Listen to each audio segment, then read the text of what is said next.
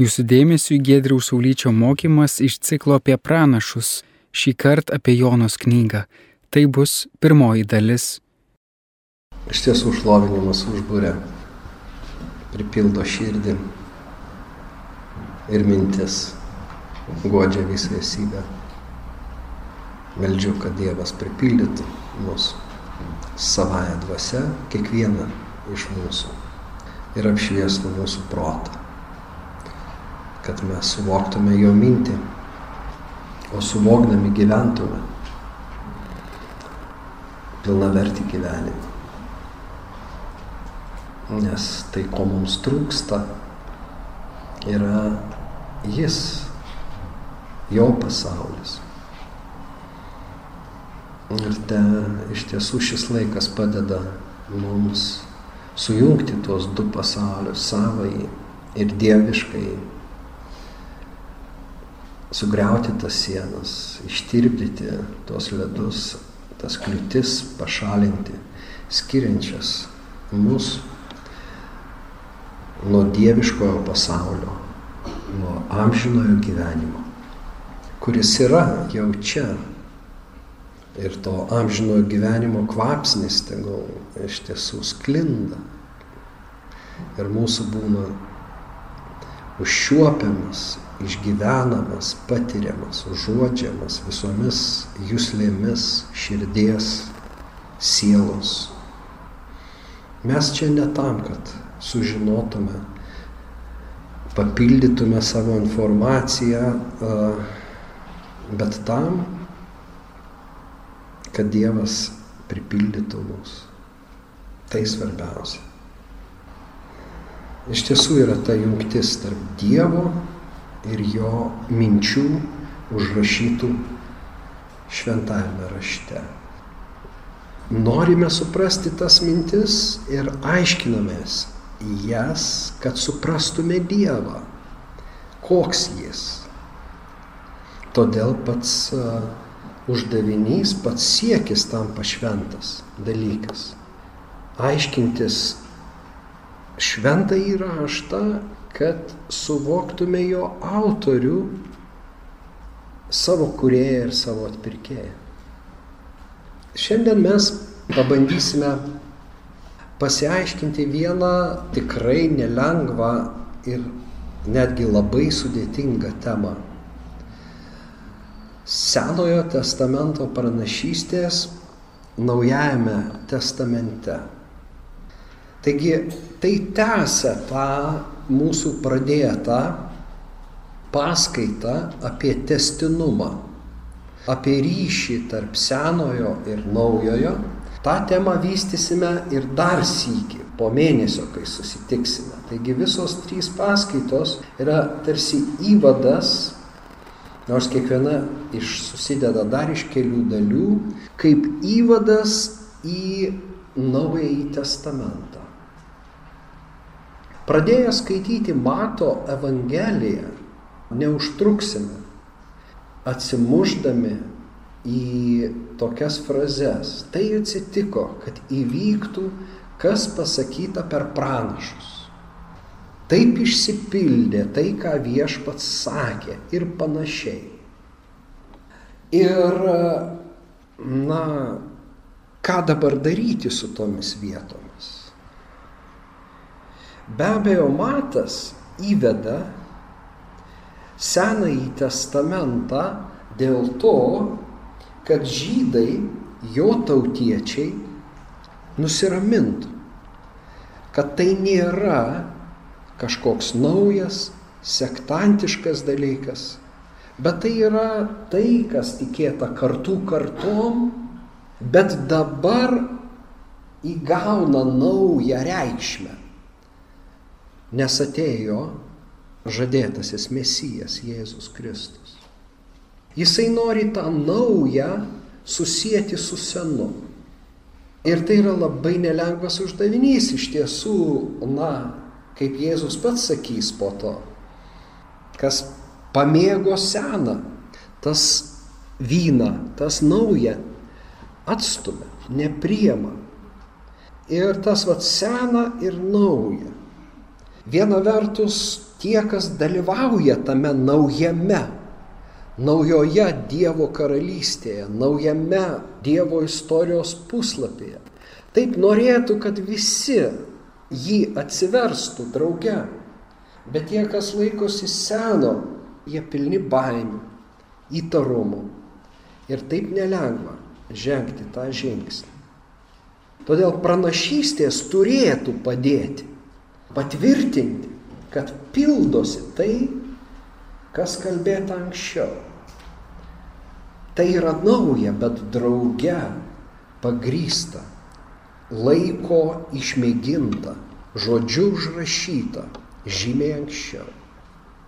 Man regis, kad Augustinui pavyko be ne geriausiai pasakyti ryšį tarp dviejų Biblijos dalių - Senojo ir Naujojo testamento.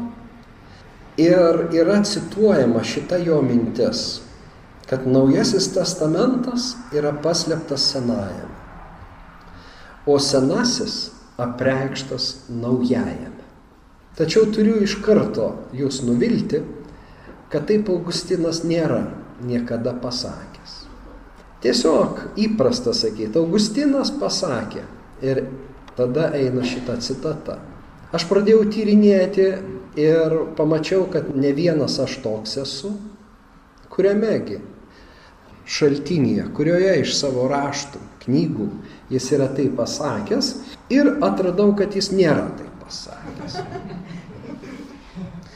Bet visgi mes galim, na, įvardinti tai ne kaip Augustino mintį, o kaip perfrazuotą Augustino mintį.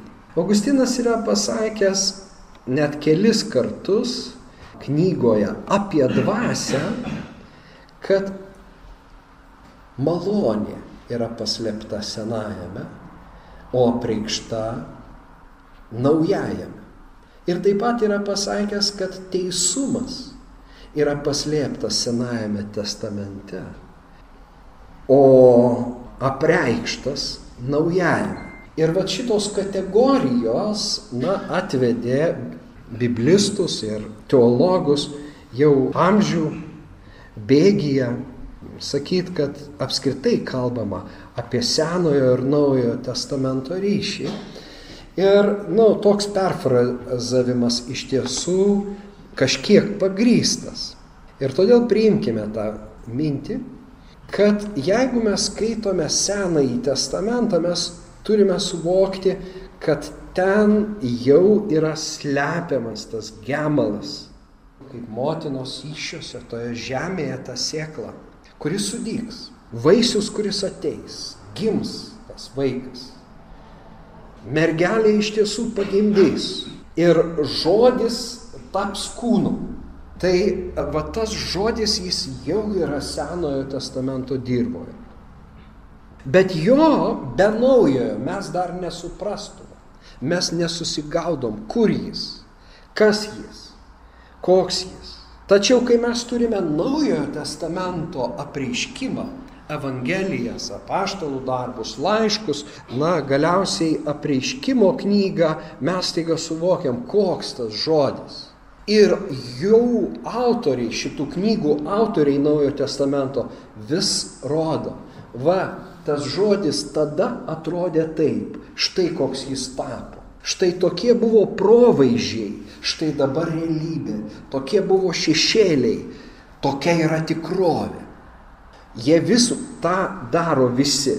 Iš visų Naujojo testamento autorių daugiausiai Senąjį testamentą cituoja Matas. Taip kad mes šiandien apsiribosime vėlgi matu Evangeliją pagal matą, nes visų citatų mes niekaip negalime apriepti. Bet žiūrėdami į tas skirtingas mato Evangelijos pranašystės Senojo testamento prologe, vėlgi mums užteks dviejų pirmų skyrių, mes pasisteksime suvokti ne tik tai, kas, na, yra sakoma, bet ir principus, kuriais Matas vadovaujasi ir ne tik jis, Naujojo testamento autoriai. Ir tą aš pasistengsiu dar pagilinti. Na, be abejo, Senasis testamentas cituojamas, kaip aš jau pasakiau, apologijos sumetimais, tai yra apginti naują mokymą senu, senomis pranašystėmis ir parodyti išgelbėjimo, Dievo išgelbėjimo plano testinumą. Tokie du pagrindiniai matomai tikslai yra siekiami, kai cituojamas Senasis testamentas. Bet dabar mes pamatome, kad iš tiesų tai vyksta taip netikėtai. Tos Senojo testamento ištraukos tarsi išplešiamos iš konteksto ir perkeliamos visai į naują realybę. Ir va čia biblistai grumėsi. Kokiegi principai vadovauja tam? Kokiais dėsniais? Kokia metodika, moksliškai kalbant, šių dienų terminologija remiasi evangelistai? Paulius rašydamas laiškus ir cituojant, kas per metodiką. Ir tą metodiką labai nelengva suvokti. Ir štai kodėl. Mes ją pabandysim įvardinti. Bet jau įžangui galim pasakyti, tie vad žodžiai paslėptas, apreikštas, daug ką kalba. Yra slėpiniai ir yra apreiškimai. Apreiškimas yra ne žmogaus pastangų vaisius, o dvasios, šventosios dvasios. O dvasia yra neuždaroma į metodiką. Nes tai, kas metodiška, tu gali sudėti lentynas, užrakinti va stalčiuką, uždėti etiketę, užrašyti šitam stalčiui tas, šitam tas, štai tokia tema, štai tokia doktrina, štai tokia doktrina. Ką daro katekizmai? Jie stengiasi iš tiesų mokymą sudėlioti sistemiškai. Ir viena vertus jie padeda, bet kita vertus ir paslėpia, vėlgi, ir paslėpia. Reikalingas tas dvasios judėjimas, kuris staiga apreiškia. Ir žmogus sako, aš nemačiau, aš buvau aklas, bet dabar aš regiu, kažką aš supratau. Ir kaip tu supratai? Tiesiog supratau. Tai va, pa, Panašiam stovi Naujojo testamento autoriai yra, kai jie cituoja seną. Jie yra dvasios pagauti ir jie supranta staiga, kad tam tikras tekstas nusako dabartinę situaciją. Kad tam tikra istorija atspindi tai, kas vyksta šiandien. Ir todėl jie pacituoja. Bet jeigu tu pradedi gilintis į tą citatą tame kontekste, kuriame jinai yra, staiga paaiškėja, kad, na, Senojo testamento autorius kalba visai apie kitus dalykus. Modernioji teologijoje, kuri buvo paveikta apšvietos, buvo bandymai ir jie šiandien dar taip pat realūs pasakyti, kad ne, Naujojo testamento autoriai iš tiesų perteikia Senojo testamento autorių mintis, pilnai suvokdami ir pagrysdami, kaip tai, ką anie sakė, tinka nu, jų kontekste. Bet šita kryptis neturi ateities, jinai tiesiog nepateisina savęs, toks aiškinimas. Ir faktas, kad aš irgi nematau ateities va šitai teologiniai pozicijai, nors jinai egzistuoja, kaip sakau.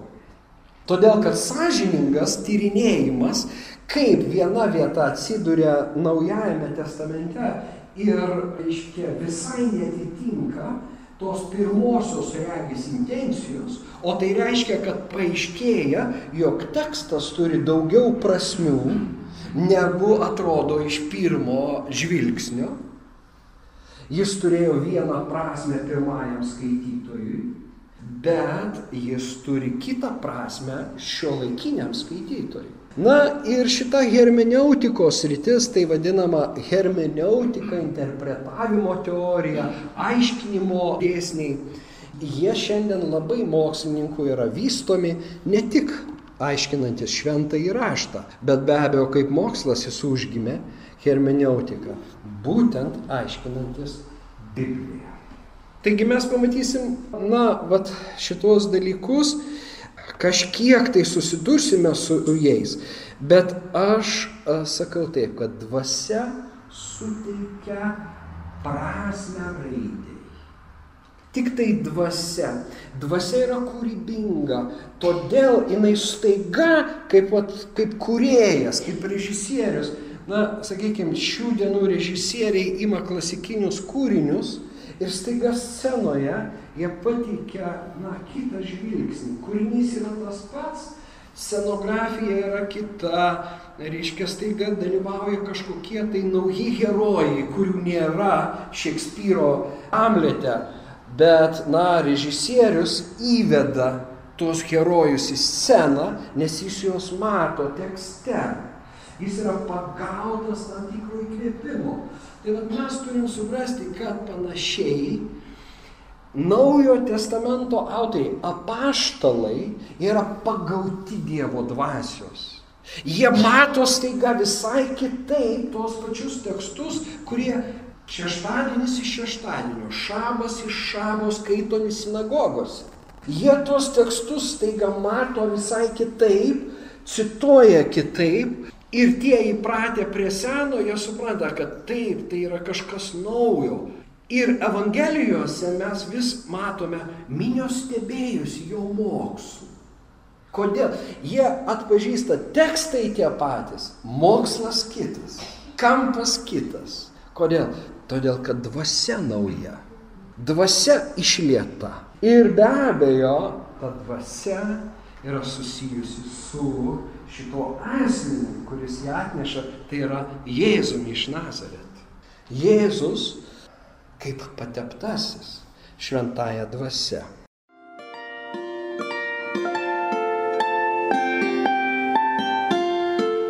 Jūs girdite Marijos radiją.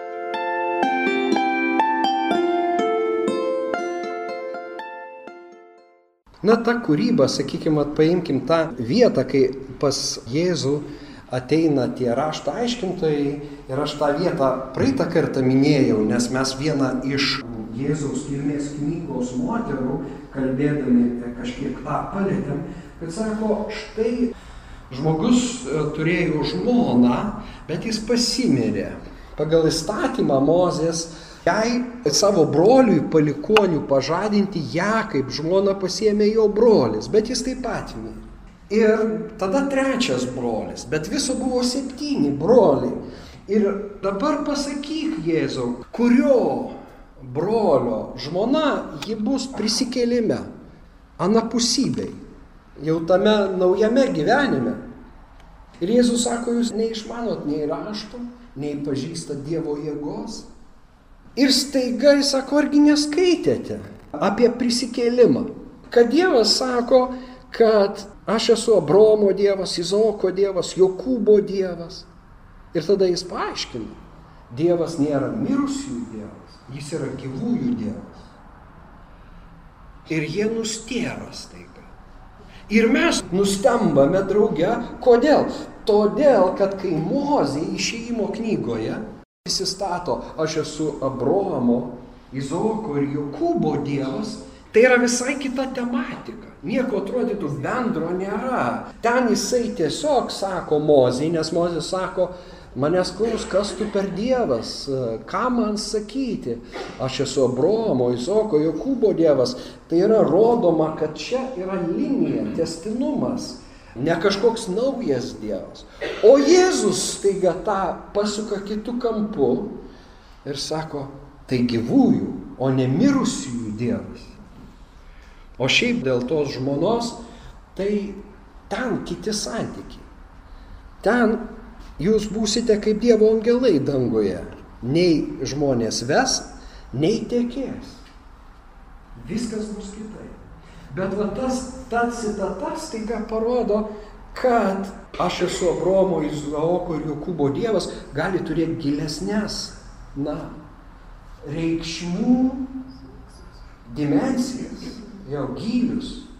Už tų žodžių stovi ir istorinis testinumas, kad tai yra ta linija pradžia ten, bet gali būti visai kitas kampas, kad tie žmonės ir šiandien gyvi, kad jie gyvena ir Dievas gyvena su jais. Jisai, na, nemiršta ir jie nemiršta, ir mes nemiršta. Reiškia visai kita dimensija, prasminė dimensija. Ir vėlgi žmonės stebisi. Tai vad įžangai tokios mintis. Na dabar pasižiūrėkime ir vėlgi, jūs pamenat, kalbant apie Mato Evangeliją, mes išskyrėm penkios dalys, Nes matas tarsi į Mozės penkiaknygę kuria aluzija, kad ta pirmoji Evangelija yra tarsi to naujo mokymo, kuris savo struktūrą panašus į senąjį, į Mozės penkiaknygę. Taip ir Mato Evangelijoje yra tos penkios dalys, taip Kalno pamoksle yra tie penki Jėzaus pareiškimai, jūs girdėjote, protėviams buvo pasakyta, o aš jums sakau, penkis kartus atsikartoja. Taip ir prologė šitos Evangelijos mes atrandame penkias Senojo testamento ištraukas, kurias Matas cituoja, pritaikydamas tai savo dienoms ir aiškindamas tai, ką Dievas daro jų dienomis. Pirmoji yra būtent tai, Visa tai įvyko, kad išsipildytų viešpaties ištarmė per pranašą, kuris sako, štai mergelė nešios iššios ir pagimdys sūnų ir jie pavadins jį Emanuelio vardu. Išvertus tai reiškia Dievas su mumis. Kad išsipildytų viešpaties ištarmė per pranašą. Žiūrėkime. Marija pastoja iš šventosios dvasios Tai įvyko, kad išsipildytų viešpatės ištarmė. Kai pradedam ieškoti viešpatės ištarmės, paaiškėja, kad matas cituoja dvi, o gal net tris Senojo testamento pranašyšių vietas. Tai naudoja ir Paulius. Paulius, pavyzdžiui, sako, kaip pasakyta Apaštalo Pauliaus žinoma frazė, kuri atsikartoja, yra katos geograptai. Kaip parašyta. Verčia kartais, kaip raštas sako. Bet paprastai jis sako, kaip parašyta. Reiškia, tai jau yra parašyta. Dabar tu pradedi ieškoti, kur tai parašyta. Ir tu atrandi, kad tai parašyta, na, kokiuose penkiose vietose. Tai, ką jis paima kaip vieną citatą, jinai sudaryta, sukompiliuota iš kelių vietų, tą mes matom ir čia mato pirmoje citatoje. Ir va aš parodau. Dabar tas sukompiliavimas yra antologija.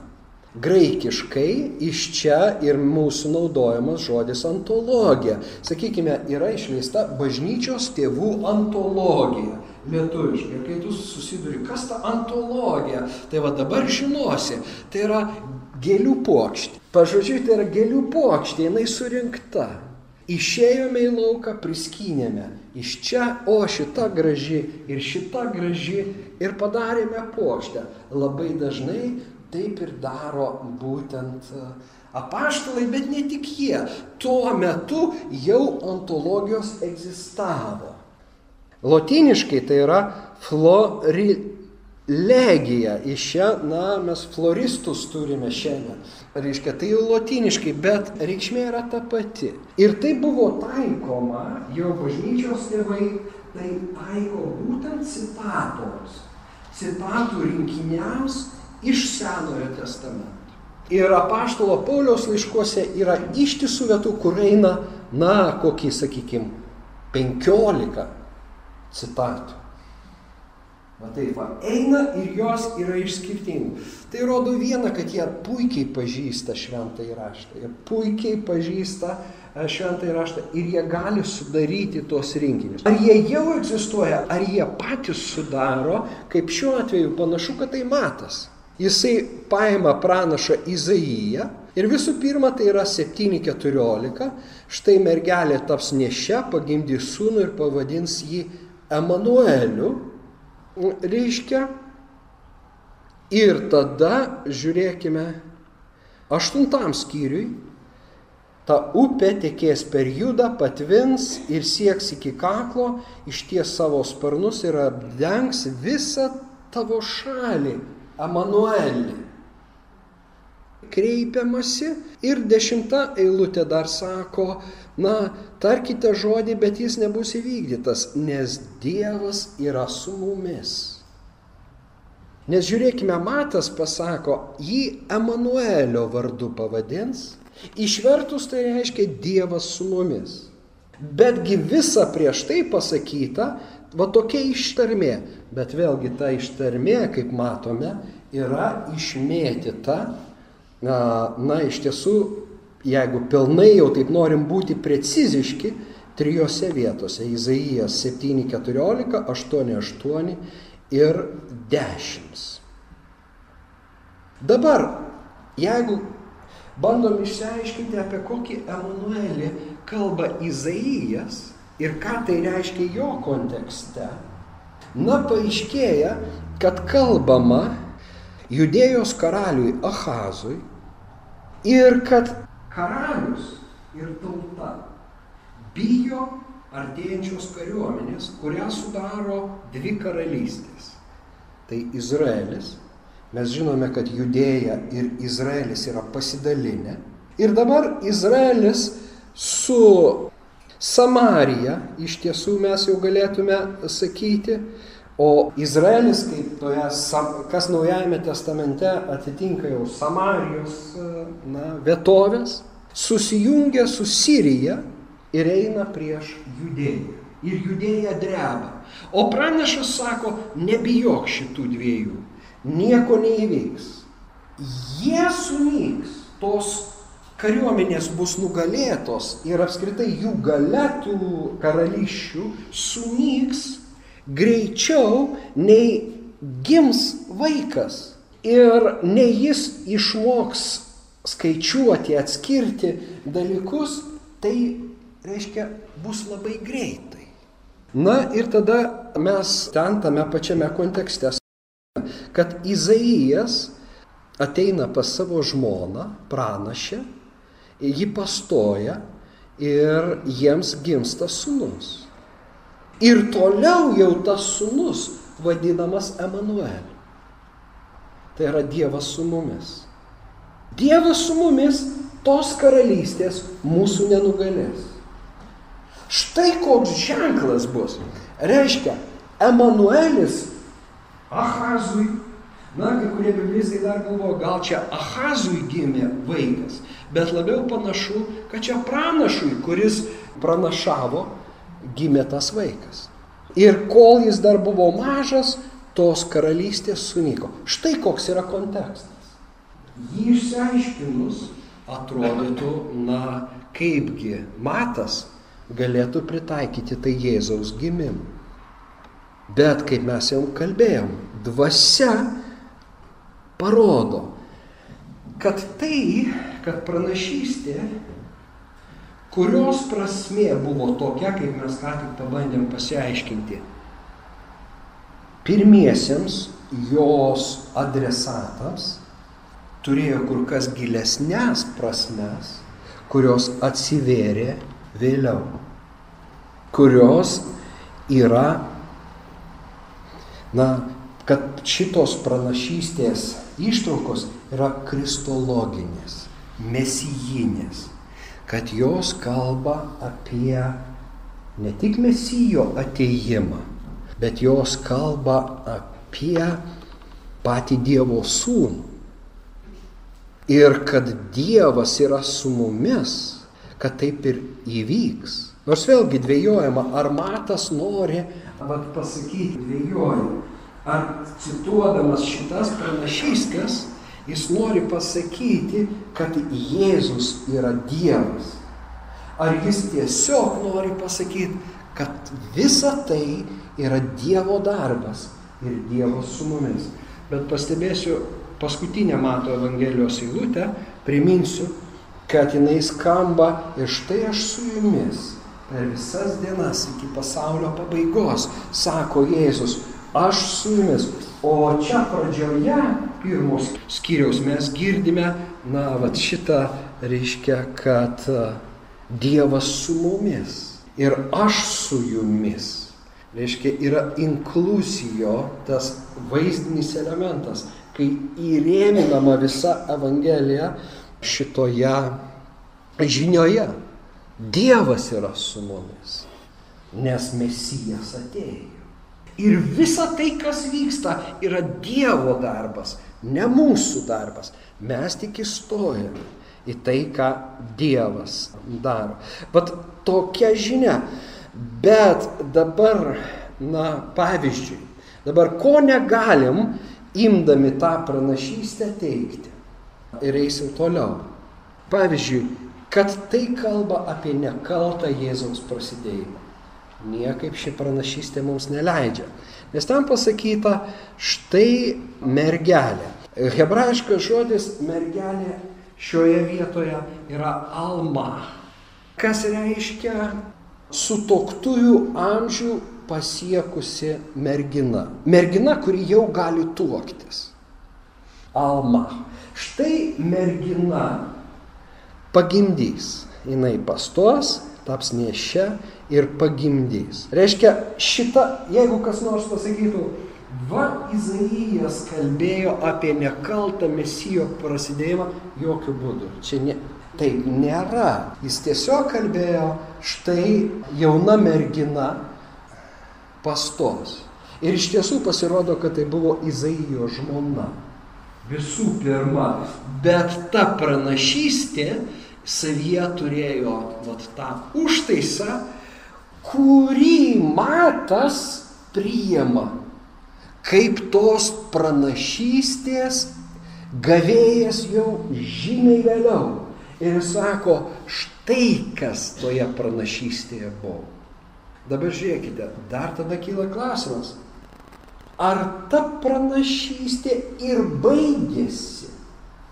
Ar jos išsipildymas baigėsi su Jėzaus gimimu? Užduokim klausimą ir kol kas palikim jį atvirą. Nes galim pasakyti ir taip. Ar visos pranašystės turi pradžią ir pabaigą? Reiškia, tai pasakyta apie tai, tai pasakyta apie tai, nes daugelis šiandien taip skaito Senąjį testamentą tai jau išsipildė, tai dar neišsipildė, tai išsipildys. Ir vat būtent tai, kas dar turi išsipildyti, įvama ir kalbama, kad va, galbūt tai pildosi, arba greitai pildysis ir panašiai. Iš karto pasakau, kad nesutinku su tokiu suvokimu, su tokia pozicija. Senojo testamento pranašyščių aiškinimu jinai yra redukcinė, jinai redukuoja Dievo mintį ir patį Dievo žodį. Nes jeigu jisai susideda, sakykime, Senasis testamentas iš išsipildžiusių pranašyščių, ką mums jas skaityti, jos vis tiek iš dalies jau atliko savo, na, veiksmą ir dar neišsipildžiusių, tai mes jau turim karpyti, ieškoti. Apaštalai taip nežiūri šventą raštą ir aš pacituosiu. Paulių, kuris anaip tol taip nežiūri. Reiškia, pranašystė vis dar turi kažkokią tai funkciją. Apart to, kad matas ją priėmė ir suvokė joje esantį, na, prasminį užtaisą, ar jis jį išsėmė iki galo. Ir ar yra ta intencija, kad pranašystė būtų iki galo išsemta istorinėme įvykyje, viename istorinėme įvykyje. Gerai, tai vad tiek. Antra, sutinkama jau antrame skyriuje ir vėlgi labai įdomiame kontekste. Karalius Erodas sušaukęs visus tautos aukštuosius kunigus ir rašto aiškintojus klausinėjo, kur turys gimti Kristus. Na, jis klausinėjo, todėl kad atvyko magai iš rytų ir pasakė, mes matėme žvaigždę. ir atėjome pagarbinti gimusio karaliaus. Ir štai Erodas aiškinasi, kur jis turėjo gimti. Jie jam tarė, judėjos Betlėjoje, juk taip pranašo parašyta, ir tu Betlėjau judo žemę, tikrai nesi mažiausias tarp judo miestų, nes iš tavęs kils kunigaikštis, kuris ganys mano tautą Izraelį. Pažiūrėkime, jau tas mąstymas žydų teologijoje arba rabiniškoje tradicijoje yra akivaizdus, kad pranašystėse yra, na, žinia, bet ją reikia iškoduoti. Girdėjome Gėdraus Saulyčio mokymą iš ciklo apie pranašus. Tai buvo pirmoji dalis apie Jonos knygą.